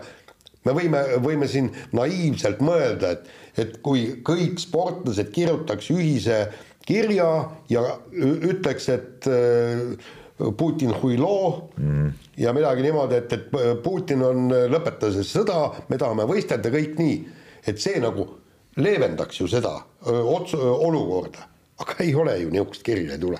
seda küll, aga samas on ta Põlkov, ta ei, tal ei ole Venemaaga selles suhtes, ta on Šveitsis elanud ju mingisugune, ma ei tea, mingi kakskümmend aastat juba ja noh, et, et noh, et peaks olema küll nende läänemaailmaga nagu harjunud ja peaks nagu aru saama, mis, mis nagu seal maailmas toimub. aga kunagi ei tea, missugune tead hirm ka teda painab. seda muidugi jah mingid, mingid jah hoovad, mida me nagu ei näegi siin võib-olla. no on hukka saanud küll Venemaa kodanikke välisriikides, lääneriikides. nii on. nii, laseme kõlli.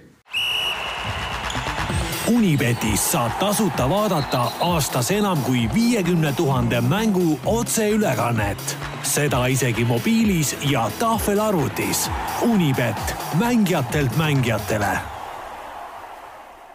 no nii, sul on kuidagi niisugune muusi nagu väga, väga rõõmsaks läks Tarmo siin, rusikad olid taeva poole juba siin tead. Te, te ei usu elu sees, ma panin ühe panuse eelmine nädal nii. ja võitsin selle, te ei usu elu sees, mille peale? no mingi e-spordi peale jälle? ei. jalgpall? jaa. Eesti? Eesti ah,. Henri Anier, seesama meie eripanus. sellepärast sa seda mängu nii seesama, kiitsidki. seesama meie eripanus, Eesti võidab äh, Maltat ja. tõepale tuli nagu nüüd nagu välja, eks ole, tead noh. vot nii no,, võtke välja jussid või kuidas see kõlas no,. ja palju siis. lakkuge panni jussid. või lakkuge panni, jah, ei summa, summa oli küll väike, aga põhimõtteliselt ikkagi nagu, põhimõtteliselt oli magus neljanda üleaja, neljanda üleaja minuti. aga seda ei tohiks lugeda pole ju. ei tohiks. sest et üheksa minutiga ei tehtud ära ju. aa, no sa võid, sa võid. anna mulle pärast see Unibeti number, ma helistan sinna. ma annan sulle jah ja. mis sul vastu panna on, ma saan aru. ma ütlesin, mul edulugu seekord ei ole jah. aga kaotuse lugu? ei ole kaotuse lugu. ei ole kaotuse lugu ka. ma panin jalgpallis äh, kaks panust ühe selle peale, et Eesti ei löö Albaaniale väravat ja teise ma ei mäleta, mis panus on. ühega võitsin, teise kaotasin, nii et, et põhimõtteliselt jäin nulli omadega. see, et Eesti ei löö ära, see oli lihtne panus, mulle tundus, et küll, häbi on panna siukest asja minu arust. noh, eks mul oligi natuke piinlik aga... häbi nägu oli ees. nii, uue nädala eripakkumist leiutades hetkel Eesti spordiga seotud asju oli nagu raske leida, nii et sai mindud hoopis ookeani taha ehk siis korvpalliliiga NBA kus Golden State Warriors on läinud finaalseerias kolm-kaks juhtima Boston Celticsi vastu, kuues mäng on Bostoni sees. Ja, ja sai palutud siis väike võimendus sellele, et Golden State ikkagi võõrsil vormistab selle asja nagu ära kaks koma seitsekümmend viis on mehed ei nuta eripanus, nii et äh, ma usun, et siin nagu natukene nagu väärtuse poissi on küll, mine sa tea. võõrsil, võõrsil, võõrsil võitmine on äh, ikkagi nagu üsna tavapäraseks saanud äh, tänavustes play-offides nii ookeani taga kui ka Euroopas aga no koefitsient on vilets. on jah? no kaks koma seitsekümmend viis no eks sa siis pane ta kimpu, ma ei teagi, millega, võta siit kuskilt golfist näiteks, seal on väga head koefitsiendid mm., golfis näiteks.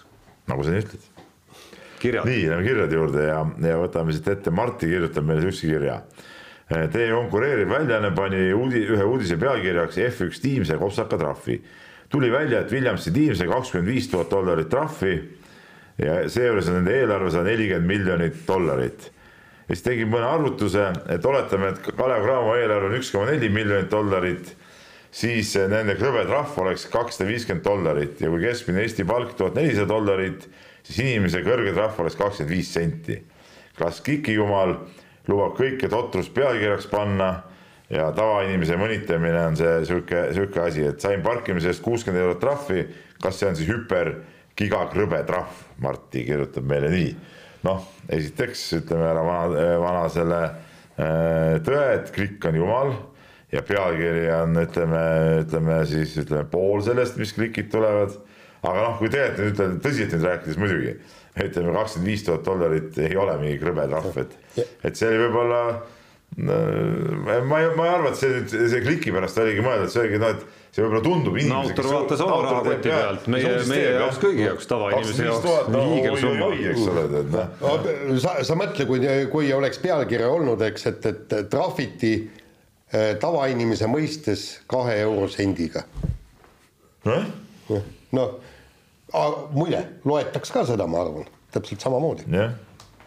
Nii, Kalmer kirjutab meile ja, ja ta siin kuulas meie eelmist saadet ja talle jäi kõrvu siis minu võrdlus üheksakümnendate alguse ja praeguse Eesti jalgpallikoondiste vahel, et minu tsitaat kõlas umbes siis nii, et üheksakümnendate alguses kaotasime null kaks Itaaliale, kõik olid väga rahul, kui hea mängu me tegime, nüüd on kolmkümmend aastat möödas ja oleme samas kohas tagasi, et kus on edasiminek.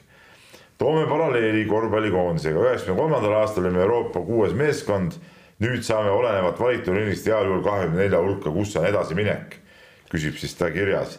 meenutan veel, et umbes kümme aastat tagasi oli ka jalgpall korra Euroopa kahekümne parema hulgas et mulle tundub, et nii väiksel riigil, nagu me oleme, käivad asjad paratamatult lainetena ja madalseise pole mõtet üle dramatiseerida. ühtlasi käib ka ajakirjanike poolel mingi tobe võistlus korvpalli, jalgpalli vahel, kus olenevalt sümpaatiast tehakse vastaspoolt igal võimalusel maha.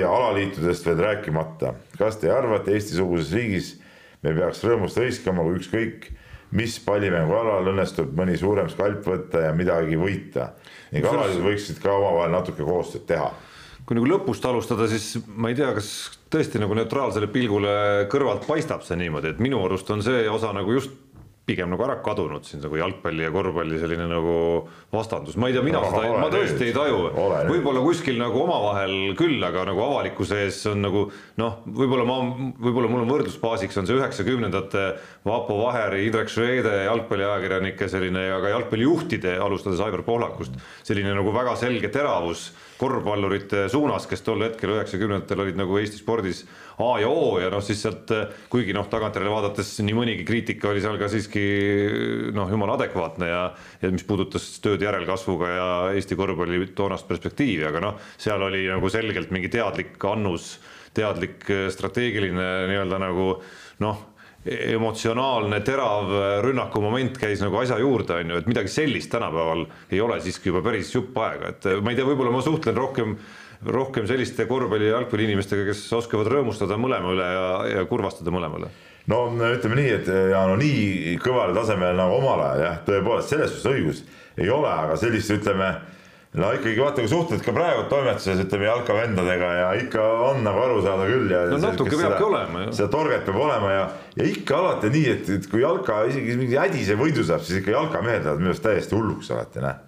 et noh, see on nagu mingi ebareaalne minu arust, kuidas siis on nagu, nagu ilge hõiskemine käib ja mingi trillala-trallala, et, et, et natuke seda ikkagi, ikkagi on, on täitsa olemas minu arust, et noh ja ei no põhimõtteliselt, mis siin on, no minu poolt ongi see, et, et no ma tahaks ikkagi näha, et, et see jalgpall areneb. jah, ma saan aru, tõusud, mõõnad, eks, et aga me peaksime kuskilt maalt natuke ikkagi edasi no, minema. basic level võiks olla ja korraga ma ei mõtlesin vaidle vastu, korvpall oli ka ju täielikus mudas vahepeal. ei no võrreldes sellesama üheksakümnendate algusega loomulikult on meil päris pikk tee minna, noh. lihtsalt need, need stardipositsioonid olid erinevad, et korvpall siis oligi meil kõva ja ütleme, nad langesid alla, aga jalgpall on nagu siis mitte kusagilt nagu, nagu armastavad Eesti jalgpallijuhid ka ütelda, nagu siis seda on kogu aeg nagu arendatud kuhugi, et nagu ega Eesti korvpalli arendamisest ütleme, äh, ütleme siin viisteist, kaksteist aastat tagasi keegi eriti midagi ei rääkinudki tegelikult, et siin natuke see, see, see konteksti vahe on ka. nii, aga Maksim Tuul on meile kirjutanud ka meie eelmise saate jutu peale siis sellest, mis puudutas äh, lennujaama turvatöötajaid ja, ja, ja, ja Maksim on siis G4S-i Äh, kollektiivi nagu pressiesindaja ja, ja siis selgitab meile siin, ütles, et meie saadet kuulatakse seal suure huviga, see on, see on nagu loomulik, peavadki kuulama kõik. ja, ja, ja, ja ta siis selgitab, et miks siis ei olnud, miks siis ei ole lennujaamas piisavalt, äh, piisavalt neid turvatöötajaid ja miks järjekorrad on, on nii pikad. ongi siis niimoodi, et et reisijate arv on pandeemia lõpuga, lõpus nüüd tõusnud ja suve saabumisega tõusnud ning sel põhjusel alustati ka lennujaama aktiivset värbamist juba aasta alguses ning tõsteti julgestustöötajate töötasu kuni kakskümmend protsenti. paraku sellest hoolimata kimbutab nii G4S-i kui paljud, kui ka paljusid teisi organisatsioone töötajate puudus, mis tuleneb Eesti vähenevast tööealisest elanikkonnast.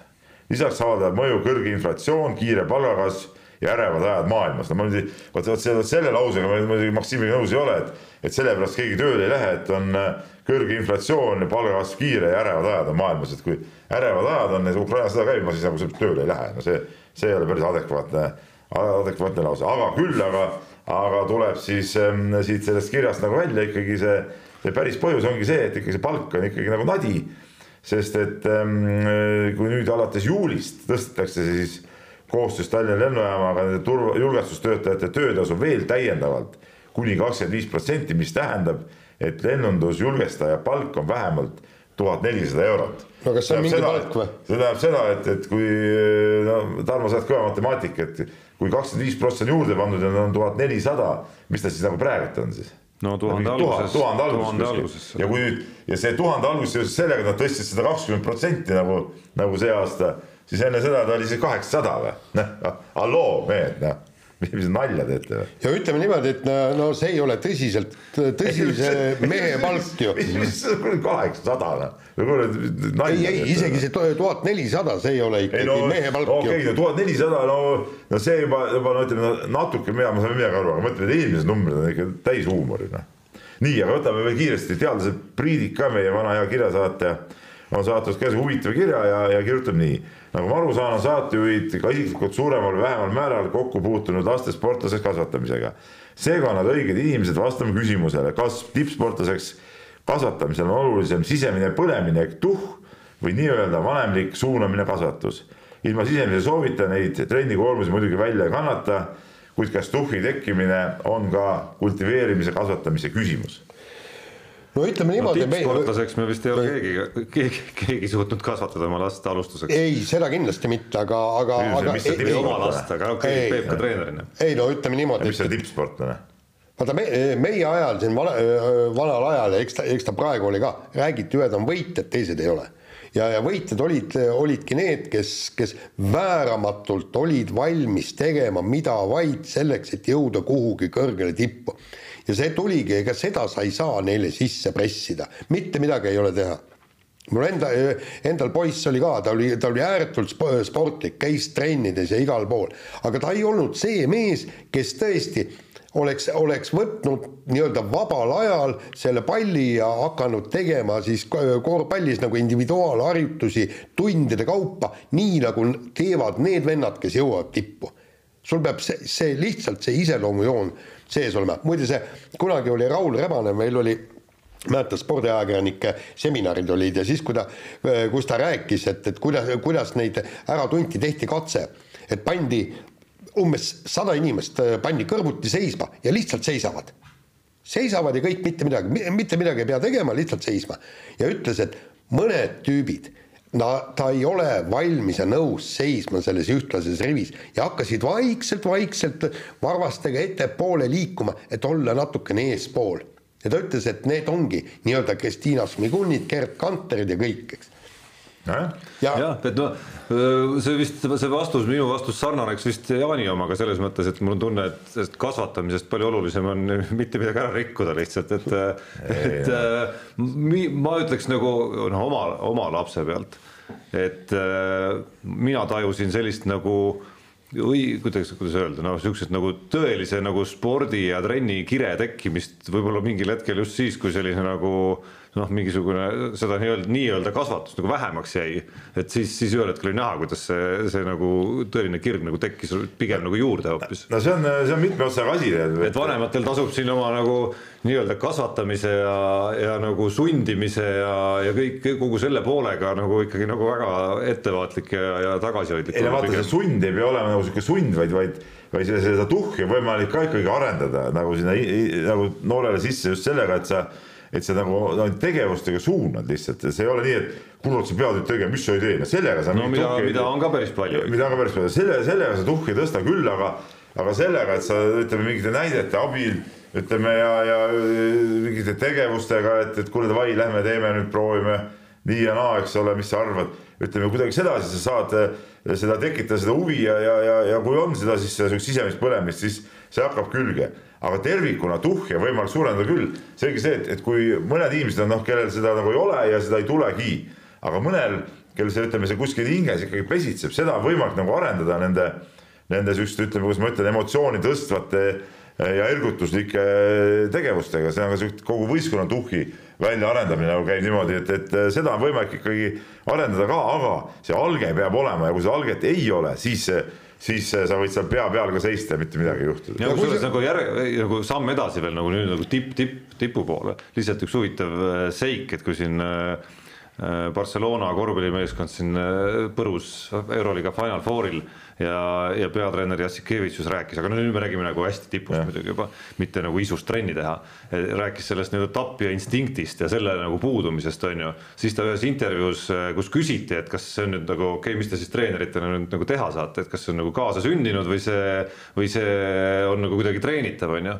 Ja siis Jassikevitšus rääkis selle peale, et nad olid mingil päeval treenerite ringis siis omavahel seal Barcelonas just arutanud seda ja jõudnud järeldusele, et see mõjutatav osa on kusagil üks-kaks protsenti lõpuks, noh, seal siis nagu nende seas, kes on ju, ju, ju nagu nii peenes tapja instinktis siis, aga et see üks-kaks protsenti on see, mille nimel treenerid peaks väga pingutama, sest see võib lõpuks sul tiitli, tiitli saatuse otsustada. ja, ja kusjuures tegelikult on huvitav ju vaadata, et, et eh, see tapja instinkt ja, ja kõik see võib olla, aga ta ei pruugi väljenduda spordis, nagu mul endal poja, poja näitel on, eks kui ta selle fotograafia, siis ta oli valmis kõik tegema selle nimel. Ja seal oligi niimoodi, et, et tundide kaupa ta oli valmis, ta ostis endale neid fotoraamatuid kokku tundide kaupa, õhtuti vaatas kõik nii. Kolm korda tunnistati Eesti parimaks spordifotograafiks, mispeale ta ütles, et mul ei ole enam siin kuhugi min-, jõuda. Ja vend põrutas Austraaliasse, kus on spordifotograafia tase maailma kõige kõrgem ja ta, ta läks sinna, üritas sealt, sealt läbi lüüa ja põhimõtteliselt eh, see, see õnnestuski. ja, ja nüüd, kui, kui, kui korvpallis tal ei olnud noh, niisugust mõtet, et Eesti koondisse pääseda kuhugi, siis nüüd on jutt, et ta tahab ühel hetkel eh, võita ära ülemaailmse spordifotokonkursi, et see on eesmärk ja, ja, ja nii kummaline, kui ka eh, see ei ole, et see nii-öelda tapja instinkt ja meeletult äh, suur tahtmine ei väljendunud spordis, mida ja, ta tegi see... väiksest noorusest peale ja väljendus hoopis fotograafias. praegu ta aitabki tal juurde selles, et ta see fotograafias, see instinkt on nagu olemas niimoodi. just, ja sa no nii, kuulge. ja sa pead jooksma üritusele. ja jooksma üritusele, sellega on meil saade läbi, kuulake meid nädala pärast ja olge mõnusad mehed ei nuta. saate tõi sinuni Unibet, mängijatelt mängijatele